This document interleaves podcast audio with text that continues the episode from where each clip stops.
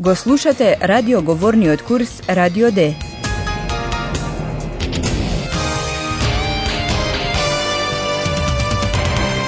Заеднички проект на Гете институтот и Радио Дојче Веле. Авторка е Херат Мезе.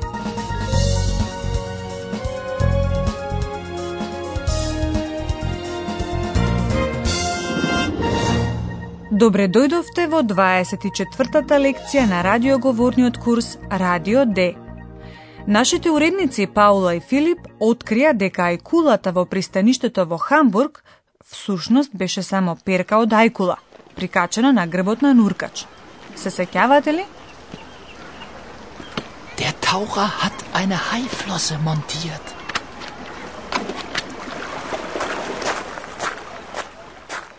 Ојлалија од незината птичја перспектива виде нешто интересно.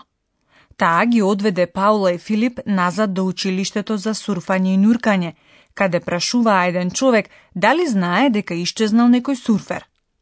Човекот не беше многу расположен да им дава информации и тоа со причина. Каква? Ке дознаете во првата сцена. Hallo, liebe Hörerinnen und Hörer. Willkommen. Bei Radio D.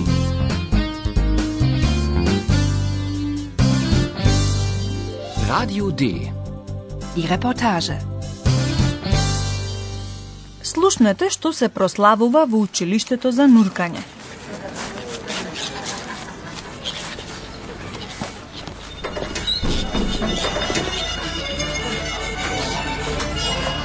Da sind sie alle. Die Chefin der Hamburger Zeitung. Der Taucher. Der Mann. Ruhe bitte, Ruhe. Also, herzlichen Glückwunsch. Das hast du gut gemacht, mein Hai. Alle haben die Hamburger Zeitung gekauft. Alle. Das war eine Riesenauflage. Bravo. Also, Prost. Prost.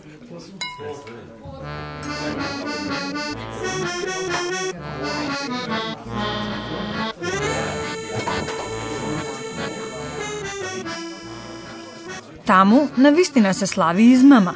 Нуркачот, човекот во училиштето за нуркање и шефицата на весникот Хамбургер Цайтунг заеднички ја инсценираа приказната за екулата. Прво, шефицата на весникот му честите на нуркачот. Also, herzlichen Glückwunsch. Таа го фали нуркачот дека добро си ја завршил работата. Das hast du gut gemacht, mein Hai. Шефицата на весникот се радува, бидејќи сите луѓе го купиле весникот Хамбургер Цайтунг. Alle haben die Hamburger Zeitung gekauft. Alle. Весникот излезе во голем тираж. Das war eine Riesenauflage. Bravo. Also, Prost. Таа радосно наздравува за нуркачот.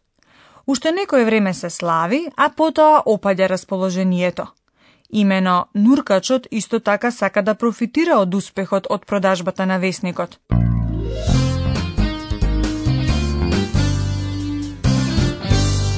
Radio D. Die Reportage. Можете ли да разберете зашто се караат? Und mein Geld? Du hast 100 Euro bekommen. Das ist nicht genug. Mein Surfbrett ist kaputt. Das kostet nochmal 100 Euro. Oder?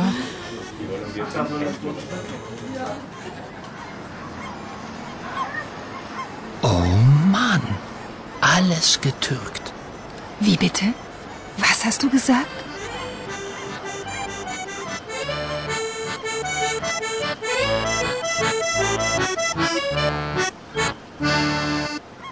Karanica daje poradi pari.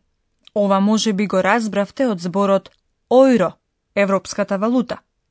Нуркачот очигледно веќе добил 100 евра. Und mein Geld? Du hast 100 Euro bekommen. Но тоа не му е доволно на нуркачот. Имено неговата даска за сурфање е скршена, а таа чини 100 евра. Das ist nicht genug. Mein Surfbrett ist kaputt. Das kostet nochmal 100 Euro. Oder? Со зборот или, ода, нуркачот и се заканува на шефицата на вестникот. Најверојатно со тоа дека ќе ја признае целата измама. Оваа измамничка акција Филип ја коментира со една поговорка која има дури и дискриминирачки елементи. Внимавајте при тоа на партицип 2, кој е поврзан со именката Турчин, Турке. Oh ман! alles getürkt. На изненадување на Филип, Паула многу се налоти на неговата изјава. Најверојатно таа мисли на колегата Ајхан, бидејќи неговите родители потекнуваат од Турција. Was hast du gesagt? Филип се обидува да го одвлече вниманието на Паула која е лута. Тој ја поканува да се возат со брод до едно место, каде сите бродови, кои што допловуваат и испловуваат, се поздравуваат со знаме и национална химна на нивната земја. Местото Вилкомхöft се наоѓа директно на Елба крај Хамбург. Слушнете ја сцената. Што сака Филип, а што Паула? Ah, Paula, hier. Hier fahren die Schiffe ab. Ja und? Ich möchte dich einladen. Einladen. Wohin? Nach Willkommhöft. Da war ich oft als Kind. Willst du das nicht mal sehen? Wieso denn? Oh, komm doch bitte, mir zuliebe. Dort kannst du viele Schiffe sehen. Du hörst die Nationalhymne. Du siehst die Flagge. Und wir machen ein Spiel. Komm, ich lade dich ein. Naja, gut. Philipp, aber ich erzähle die Geschichte zu getürkt. Und du musst gut zuhören. Abgemacht? Abgemacht.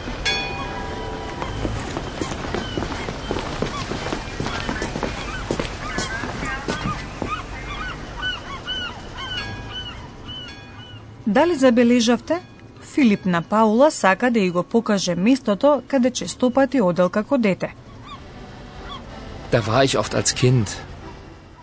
А кога Паула не реагира на ова носталгично сеќавање, тој се обидува да ја придобие со аргументот да го стори тоа за негова љубов. Komm doch bitte, mir zuliebe. Паула попушти, но и инсистира да му ја раскаже на Филип приказната за зборот getürkt. Naja, gut. Philipp, aber ich erzähle die Geschichte zu getürkt.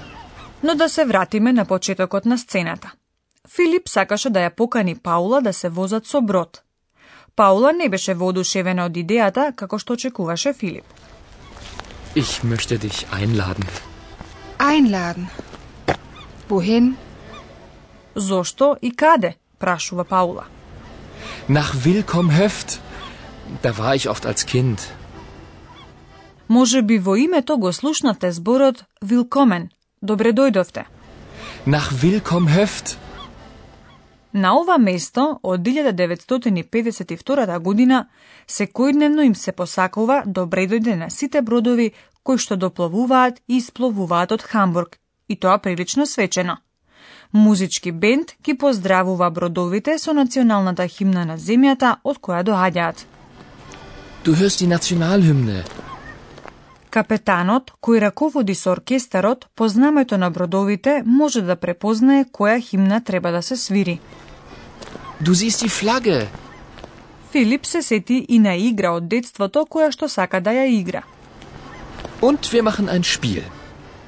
Филип и Паула многу повеќе ги привлекуваат националните химни и знамиња.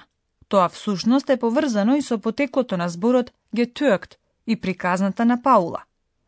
Двајцата се качуваат на брод и го запечатуваат нивниот договор со зборот abgemacht, договорено. Abgemacht? Abgemacht. Филип ја покани Паула. Ова е интересно и од јазичен аспект, господине професоре, или? Und nun kommt wieder unser Professor. Radio D. Gespräch über Sprache. Во право сте. Многу глаголи во германскиот, како на пример поканува, einladen, имаат префикс што го специфицира значењето на првобитниот глагол, односно му дава сосема ново значење. Слушнете го глаголот einladen уште еднаш и внимавајте на префиксот ein. Префиксот е нагласен бидејќи го изразува крајното значење. Einladen. Ich möchte dich einladen. Глаголот слуша, zuhören, исто така има префикс кој е нагласен. Zuhören. Du musst gut zuhören.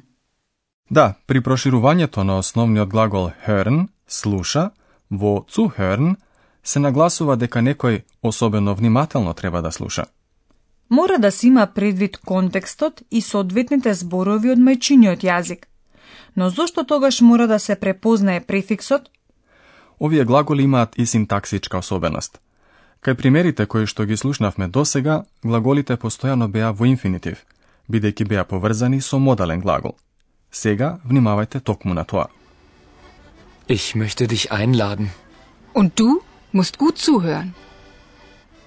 А ако речениците не содржат модален глагол? Тогаш префиксот се дели од основниот глагол и се префрлува сосема на крајот на реченицата. Слушнете пример со глаголот einladen. Einladen. Ich lade dich ein. Или бродовите што испловуваат. Abfahren. Hier fahren die Schiffe ab. Многу ви благодарам, господине професоре. А вие, драги слушатели, сега можете уште еднаш да ги слушнете сцените.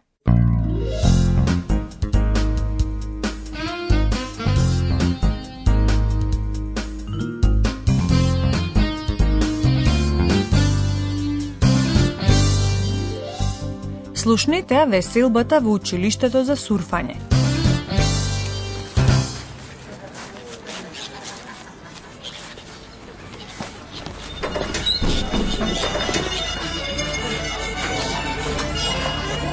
Sind sie alle. Die Chefin der Hamburger Zeitung. Der Taucher. Der Mann. Ruhe bitte, Ruhe. Also, herzlichen Glückwunsch. Das hast du gut gemacht, mein Hai. Alle haben die Hamburger Zeitung gekauft. Alle. Das war eine Riesenauflage. Bravo. Also, Prost. Prost. Слушнете ја поканата на Филип.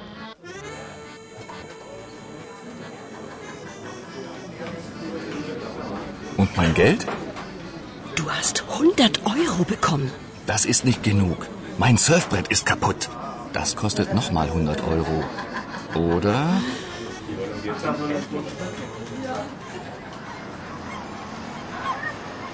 Oh Mann. Alles getürkt. Wie bitte? Was hast du gesagt?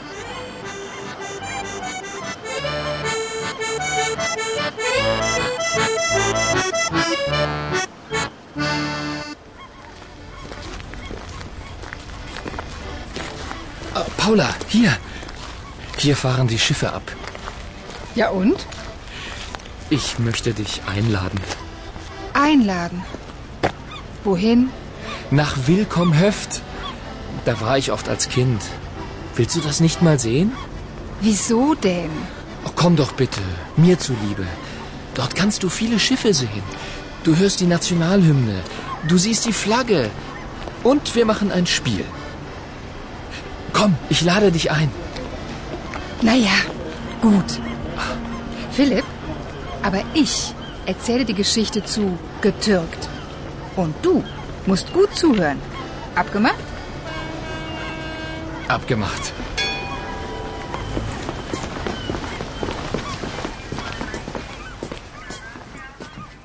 Во наредната лекција ќе дознаете од каде доаѓа значењето на зборот getürkt и зошто Паула толку многу се интересира за тоа.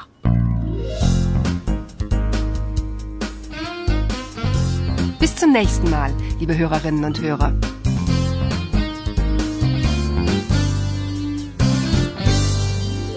Го слушавте Радио Д, курсот по германски на Гете институтот и Радио Дојче Веле. Und tschüss.